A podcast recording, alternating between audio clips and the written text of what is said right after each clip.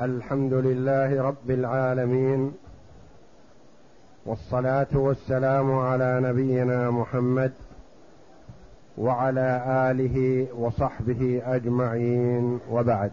بسم الله بسم الله الرحمن الرحيم. قال المؤلف رحمه الله تعالى فإن قال له اعمل برأيك فله عمل ما يقع في التجارة.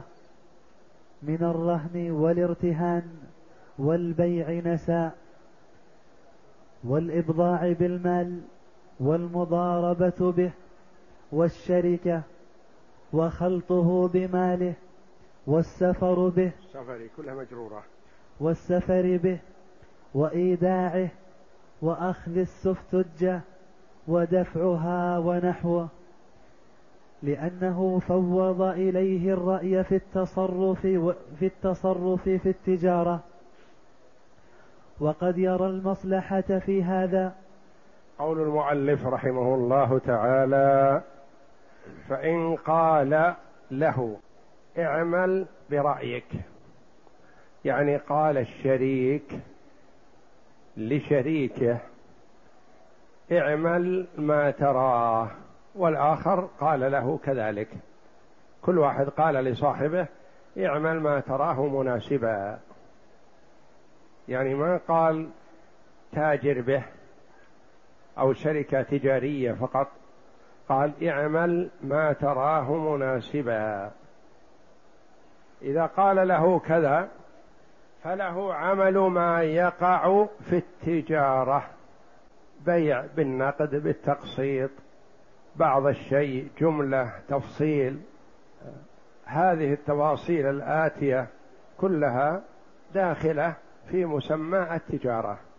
لكن شيء خارج عن التجارة تبرع إقراض لا هذا ليس له. فله عمل ما يقع في التجارة أي ما تعارف الناس عليه أن هذا من التجارة من الرهن. والارتهان.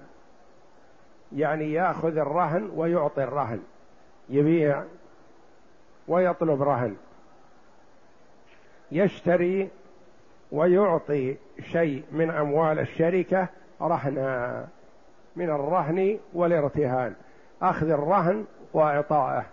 والبيع نسى. البيع نسى يعني بالأجل. يعني لو باع أحد الشريكين شيء من البضاعة مؤجل إلى مدة سنة. ثم هرب الذي عليه الدين. في هذه الفترة هرب أو فلس أو مات ولا وجد من يسدد. ما يقول شريكه له أنت فرطت في مالنا ليه تبيع بالأجل؟ لو بعت بالحاضر لو بمكسب قليل في الحاضر خير لنا من مكسب كثير في الأجل يذهب كله. ما دام أن كل واحد مفوض للآخر يعمل برأيه فهذا رآه مناسب وقد يرى المرء الشيء مناسبا ثم يكون بخلاف ذلك. والبيع نسى والإبضاع يعني بيع البضاعة على شخص ما بضاعة. يقول هي عليك بكذا وأن تاجر بها لنا ولك وما يقسم الله من ربح لك كذا ولنا كذا له هذا والمضاربة به كذلك يعطي الرجل أحد الشريكين يعطي رجلا آخر ألف ريال أو عشرة آلاف ويقول اعمل بهذه مضاربة وبعد ستة أشهر أو بعد سنة ننظر. إن كان هناك ربح فلنا ستون بالمئة ولك أربعون أو أقل أو أكثر. هذه المضاربة يعني يعطيه مال يتاجر فيه والربح بينهما ولا يلزم المناصفة وإنما حسب لأن فيه بعض البضاعة مثلا والمضاربة يكون للعامل النصف. لأنه يتعب. وبعض المضاربة يكون للعامل الثلث وبعض المضاربة يكون له الربع ويكون وبعد المضاربة يكون للعامل عشرة بالمية العشر وهكذا حسب المجهود والتعب. والله جل وعلا قدر الزكاة في المال حسب المجهود والتعب الذي يصدر من التاجر. فمثلا إذا كان زراعة وسقيت بلا مؤونة جعل الله جل وعلا فيها العشر. إذا سقيت بمؤونة جعل الله فيها نصف العشر. إذا إذا كانت تجارة عروض تجارة مخاطرة وأسفار وضرب في الأرض وسهر وتعب جعل الله الزكاة فيها أقل ربع العشر وهكذا. والمضاربة به. والشركة يعني يكون أحد الشريكين يعطي آخر يقول منا عشرة آلاف ومنك عشرة آلاف ونتاجر فيها. تجارة أخرى. فله أن يعطي من رأس مال الشركة لشركة أخرى. وخلطه بماله. يأخذ من مال هذه الشركة مثلا عشرة آلاف. ومن ماله هو عشرة آلاف ويجمعها جميع ويتاجر فيها. والسفر به يعني عنده بضاعة مثلا يبيعها في مكة فذكر له أن فيه سوق في الطائف أو في جدة فحمل البضاعة وذهب بها. يقول لا بأس عليه لكن لو لم يؤذن له في هذا يقال لا لو تلفت البضاعة فعليك ضمانها. لأن ما أذن لك أن تسافر بها إلى جدة ولا إلى الطائف وإنما تبيع بمكة. فإذا سافر بها وهو لم يؤذن له ولم يقل له اعمل برأيك فيكون عليه الضمان. والسفر به وإيداعه. توفر عنده مال ما وجد له مكان مثلا يودعه عند شخص. لو أودعه قبل أن يؤذن له ثم أنكره صاحبه أو تلف عنده يكون الضمان على المودع لأنه ما أذن له في الإيداع. وأخذ السفتجة به. آه السفتجة تقدمت لنا هي أن يأخذ ورقة على شيء ما يعني أقرب ما تكون شبه بالحوالة وليست حوالة. يقول مثلا أبيع عليك سكر. السكر هذا في المينة في جدة. أعطيك ورقة من إلى صاحب المينة يسلمك مئة كيس سكر من حقنا الذي عنده. هذه تسمى سفتجة. يعني ورقة يسلمها إياه ليستلم بها بضاعة. مثلا يقول لنا قماش في الرياض. أبيع عليك الآن هنا وأعطيك ورقة لصاحب المال الذي عنده المال يعطيك إياه. وهكذا. لو أخذ هو اشترى شيء وأخذ فيه سفتجة مثلا ثم حصل ما حصل ما يكون عليه ضمان لأنه أذن له في العمل برأيه. لكن لو لم يؤذن له في هذا وأخذ سفتجة ثم تلف المال أو تلفت الورقة وأنكر المال أو نحو ذلك مثلا فيكون عليه الضمان لأنه فرط. وأخذ السفتجة ودفعها يعني يأخذها هو يستلم أو يعطيها لغيره يستلم. يعني يشتري شيء ويأخذ سفتجة أو يبيع شيئا ما ويعطي به سفتجة. لأنه فوض إليه الرأي في التصرف. هذه تدخل هذه الأشياء كلها تدخل في التفويض. لأنه فوض إليه التصرف في التجارة وهذه يعملها التجار عادة. وقد يرى المصلحة في هذا. وقد يرى المصلحة في هذا. مثلا تعرض بضاعة تباع بمائة ألف وهو ليس عنده إلا خمسين مثلا فتفوت عليه فيشارك غيره أو يدفع من رأس ماله هو الخاص به أو يشترك مع غيره في شرائها لأن في هذا مصلحة. وليس له التبرع. وليس له التبرع. طلب منه تبرع لأمر ما ما يتبرع الشريك من مال الشركة وإنما يتبرع من ماله الخاص لأن هذا تبرع ما في ربح. والحطيطة. والحطيطة يعني ما يحط من الثمن. باع الثم... الشيء واستقر مثلا. باع حاجة مثلا بمئة. وأخذها صاحبها ورضي بها. ذهب. بعد ساعة أو ساعتين قال يا أخي نزل عن بعض الشيء. أنا اشتريت بمئة لكن يا أخي لو تكتفي بثمانين جزاك الله خير يكون زين. أخشى أني خسر فيها وأنت ما ترضى لي الخسارة فنزل عن حط عن عشرين. هل له أن يحط عنه عشرين من مال الشركة؟ لا لأنهم تم البيع. بخلاف ما إذا حط عنه شيء من أجل عيب. لمن حق هذا لئلا ترد السلعة.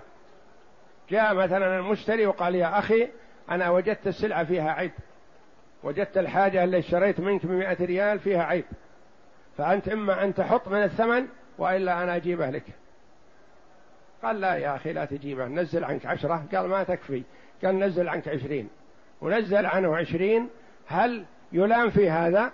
لا ما يلام لأنه تنزيل العشرين أفضل من رد السلعة. لكن هذا ما يملك رد السلعة ولا يستطيع لأنها سالمة من العيوب.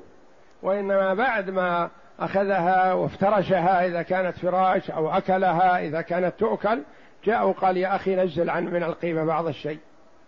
قال نزل عنك عشرة. قال ما تكفي. قال نزل عنك عشرين. هل يملك؟ لا ما يملك الحطيط. والقرض؟ والقرض ما يملك أن يقرض. مثلا عنده في الصندوق من مال الشركة عشرة آلاف. حفوظة في الصندوق. جاء واحد من أقاربه قال يا أخي سلفا خمسة آلاف. إلى يومين أو ثلاثة أو أسبوع أو شهر أو حتى يصرف الراتب أو نحو ذلك. هل يملك يعطيه من مال الشركة قرض؟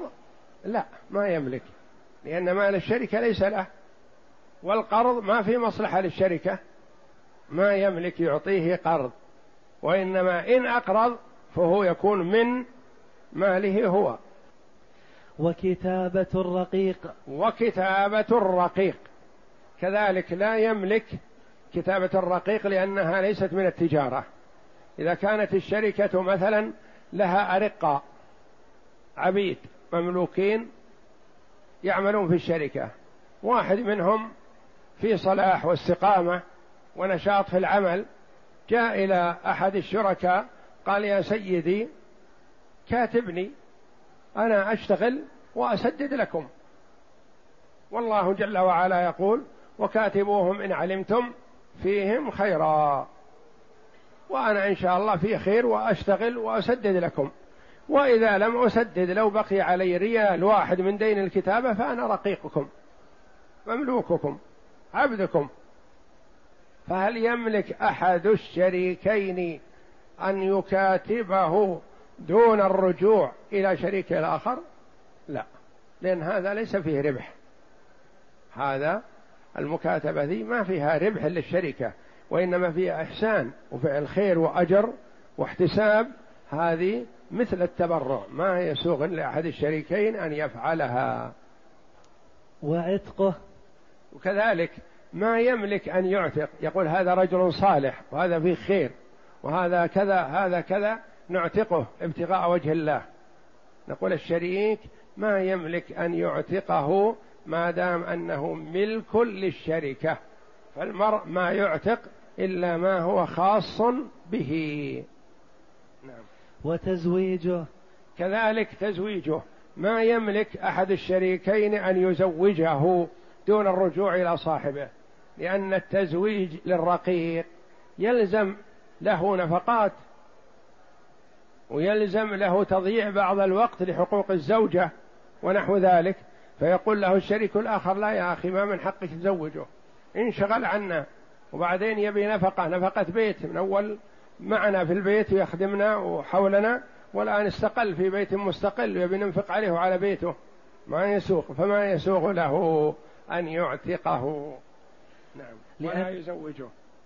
لأنه ليس بتجارة. لأن هذه الأفعال كلها القرض والحط من القيمة والمكاتبة والتزويج والعتق هذه كلها ليست بتجارة ما فيها مرابح. وإنما فيها أجر. والشركة بين الآدميين مبنية على طلب الربح والكسب. ما وجدت احتسابا. وإذا أراد المرء أن يحتسب يحتسب بماله الذي يخصه. وإنما, وإنما فوض إليه العمل برأيه في التجارة. فوض إليه العمل برأيه. قال اعمل برأيك. مثلا أعتق. فقال لشريكه إنني أعتقت الرقيق. قال لا يا أخي. وش ماذا نستفيد من عتقه. لا يا أخي ما أرضى. قال أنت قلت لي اعمل برأيك وهذا رأيي. أنا رأيت أن هذا يستحق العتق فأعتقته. يقول لا هذا الرأي ما هو مطلوب منك. مطلوب منك الرأي في التجارة فيما فيه ربح دين مؤجل حاضر مقسط وهكذا. هذا الشيء اللي فيه فائدة. وأما شيء ما فيه ربح تجارة فليس لك أن تفعله ولو أحببته لأن المطلوب رأيك فيما فيه ربح اعمل برأيك. ما قلت لك أعمل برأيك تصدق بهذا وأعتق هذا وأعطي هذا وزوج هذا وبعثر مال الشركة؟ لا. وإنما فوض إليه العمل برأيه في شيء مخصوص فيما يعود بالربح على التجارة. نعم. فصل الضرب الثاني شركة الابدان هذا النوع الثاني من أنواع الشركة. تقدم لنا النوع الأول وهي شركة العنان. شركة العنان كعناني الفرس يعني يساوون. هذا منه مال وهذا منه مال. هذا يعمل وهذا يعمل. هذه تسمى شركة العنان كفرسي رهان يعني متساوين مال عمل ومال عمل. هذه تسمى شركة العنان. هذه الأخرى الثاني الضرب الثاني من أنواع الشركة شركة الأبدان. هذا ما يملك ريال وهذا ما يملك ريال كلهم ما عندهم شيء وإنما يعملون. يعملون بأبدانهم هذا النوع الثاني من أنواع الشركة. يقول تعال يا أخي أنا وأنت. إذا قال هذا احملوا هذا بريال مثلا أنت تجي تقول أنا أحمله بنصف ريال.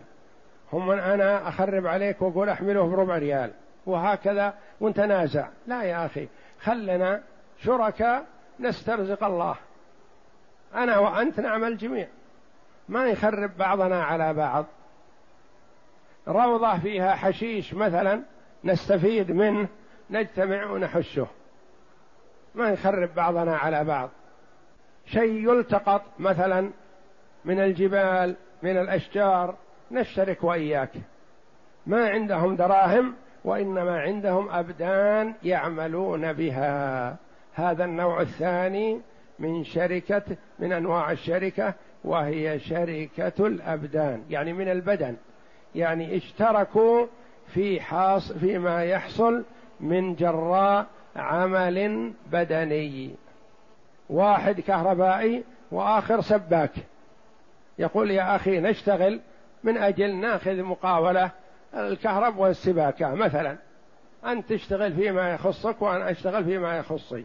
صني هذا على الرأي الثاني أنه يصح ولو اختلفت الصنعة. هذا خياط وهذا مثلا كذا وهكذا يشتركون. هذا بنى وهذا أمليص وهكذا. هذه تسمى شركة الأبدان. اقرأ. الضرب الثاني شركة الأبدان وهو أن يشترك اثنان فيما يكتسبانه بأبدانهما كالصانعين يشتركان على أن يعملا في صناعتهما. أو فيما يكتسبانه من مباح كالحشيش والحطب والمعادن والتلصص على دار الحرب فما رزق الله فهو بينهما فهو جائز. نعم. يقول وهو أن يشترك اثنان فيما يكتسبانه بأبدانهما. كالصانعين. صانعين. يشتغلان في الحدادة في الكهرباء في البناء فيما ينتج من منهما من عمل. يشتركان على أن يعملا في صناعتهما أو فيما يكتسبانه. هذا نوع ثاني. النوع الأول نوع عمل بصنعة. النوع الثاني يكتسبانه بالبدن بصرف النظر عن ما يحتاج إلى صنعه. ك أو فيما يكتسبانه من مباح كالحشيش العشب يعني الكلى. يخرجان إلى البرية يأخذان العشب ويبيعان في السوق. أو الحطب. والمعادن ملح مثلا.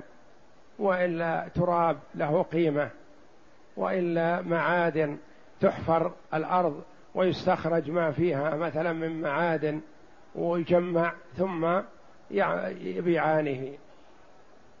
والتلصص على دار الحرب. التلصص على دار الحرب يعني السرقة من دار الحرب. لأن المحاربين حلال لنا دماؤهم وأموالهم. إذا استطعنا أن نقاتلهم نسفك دماءهم أو يدخلوا في الإسلام فهذا حل لنا. ما استطعنا إذا استطاعنا أن نأخذ من أموالهم أخذنا لأنهم حلال لأنهم محاربين. فرق بين المحارب والمستأمن والمعاهد. المعاهد حرام دمه. وحرام ماله علينا. لأنه دخل البلاد بأمان وأعطي أمان فلا يجوز لنا أن نتعرض له بسوء أيا كان. والله جل وعلا يقول وإن أحد من المشركين استجارك فأجره حتى يسمع كلام الله ثم أبلغه مأمنة. جاء واحد مثلا وقال أنا أريد أن أعرف تعاليم الإسلام من أجل إذا اقتنعت بها أدخل. ولا يسوغ لي أن أعرف تعاليم الإسلام إلا إذا دخلت عندكم في بلد مسلم. فهل تعطونني الأمان؟ نقول نعم نعطيك الأمان. أدخل. أو شخص احتجنا إليه وإلى عمله فأدخلناه. أو شخص طلب الأمان ليتاجر عندنا ويدفع رسوم التجارة يعشر أمواله نأذن له يدخل ولا نتعرض له بسوء ونحميه ونحمي ماله وعرضه وحرمه. أما المحاربون الذين نحن وإياهم في حرب ولا بيننا وبينهم عهد ولا ذمة ولا أمان فلنا أن نقتل من استطعنا قتله منهم ولنا أن نسلب ماله ظاهرا بالقوة أو خفاء بالتلصص والسرقات الخفية. هذا الذي ليس بيننا وبينهم أمان. هذا التلصص على دار الحرب. قال التلصص على دار الحرب. ما قال الترصص على دار الكفار؟ لا. قد يجب علينا أن نحمي هذا الكافر مثل ما نحمي هذا المسلم. لأنه دفع الجزية أو دخل البلاد بأمان أو دخل البلاد بعهد ونحو ذلك. والتلصص على دار الحرب يقول مثلا كل واحد يذهب ليلة ويأخذ ما يتيسر له ويكون شركاء فيه الشركة. فهو جائز لما روى عبد الله بن مسعود قال اشتركت أنا وسعد وعمار فيما نصيب يوم بدر فلم اجيء أنا وعمار بشيء وجاء سعد بأسيرين رواه أبو داود والنسائي وابن ماجه واحتج به أحمد. ومبناها وهذا جائز يعني الاشتراك في الشيء المباح. يشترك مجموعة. يقول مثلا نشترك وما يقسم الله يكون بيننا. لما روى عبد الله بن مسعود رضي الله عنه قال اشتركت أنا وعمار وسعد رضي الله عنهم الثلاثة. اشتركوا فيما يحصلون عليه في وقعة بدر من الكفار. لأن الكفار جاءوا من مكة محاربين لله ولرسوله. وليس المراد الاشتراك في كل الغنيمة لأن الغنيمة تكون بيد الإمام والإمام يقسمها بين الغانمين. لكن هذا والله أعلم في سلب المقتول. يعني حاول أن تقتل أنت فتأخذ سلبه فيكون سلبه لك ولشركائك. حاول أن تضع في يده الحبل ورجله الحبل وقرب رقبته الحبل وتسوقه أسير. ثم إن أذن الإمام لك في فكاكه فيكون لك وإلا يكون تبع الغنيمة. لأن وقعة بدر صار فيها مغانم كثيرة وفيها أسرى. فيها سبعون أسير من صناديد قريش. من ضمن الأسرى العباس بن عبد المطلب رضي الله عنه قبل أن يسلم. ودع عند الرسول قال إني مسلم. قال جئت مع الكفار. يقول إني جئت مع الكفار مرغم وأنا مسلم فأسر ولم يقتل والحمد لله. وإنما أسر فطلب منه النبي صلى الله عليه وسلم دفع الفكاك وهو عم الرسول عليه الصلاة والسلام. قال ادفع فكاكك وفكاك ابن أخيك. ابن أخيك مفلس ما عنده شيء. وأنت غني. قال ما عندي غنات يا رسول الله. ارحمني ما عندي شيء. فقير. قال له عليه الصلاة والسلام المال الذي أعطيته أم الفضل. وقلت له لها احفظيه إن رجعت وإن لم يرجع فأنفقيه على ولدي أو كما قال صلى الله عليه وسلم. قال لا إله إلا الله أشهد أن لا إله إلا الله وأشهد أنك رسول الله. والله ما علم عن هذا أحد إلا أنا وأم الفضل. الله أكبر. أطلع الله نبيه صلى الله عليه وسلم على ما قال العباس لزوجته وليس عندهم أحد. فالتزم رضي الله عنه بدفع الفكاك لنفسه ولابن أخيه عقيل ابن أبي طالب. فإذا اشترك اثنان أو أكثر فيما يحصلان عليه صح. ومن المعلوم أن الغنيمة في الحرب تكون بيد الإمام لكن أحيانا الإمام ينفل يرى أن من المصلحة فيقول من حصل على شيء فهو له. يعني لا نقاسمكم ما حصلتم عليه. يكون في هذا حافز وتشجيع لهم للبذل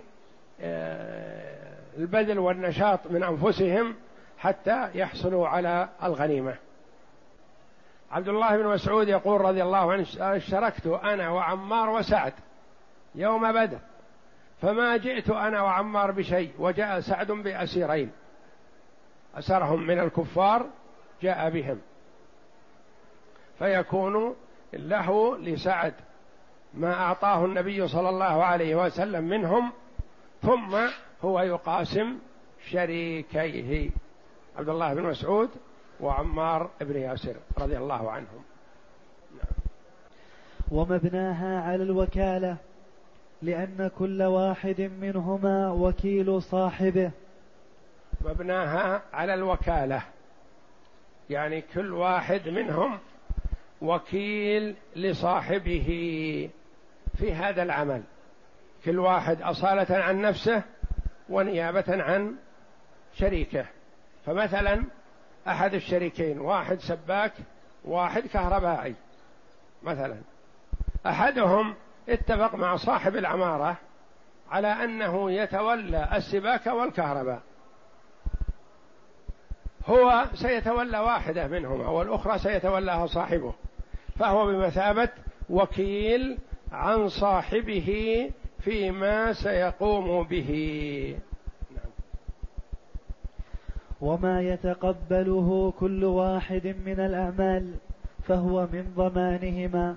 ما يتقبله يعني ما يلتزم به من العمل التزم بالتلييص مثلا والسباكة والكهرباء وكذا وكذا هو وشركاؤه فهم كلهم متضامنون فيما نتيجة إخلاله بالصنعة فالضمان يكون عليهم كلهم لأنهم شركاء شركاء في الربح والخسارة.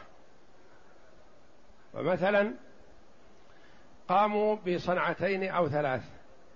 بصنعتين كسبوا مكسب كثير. بالصنعة الثالثة خسروا.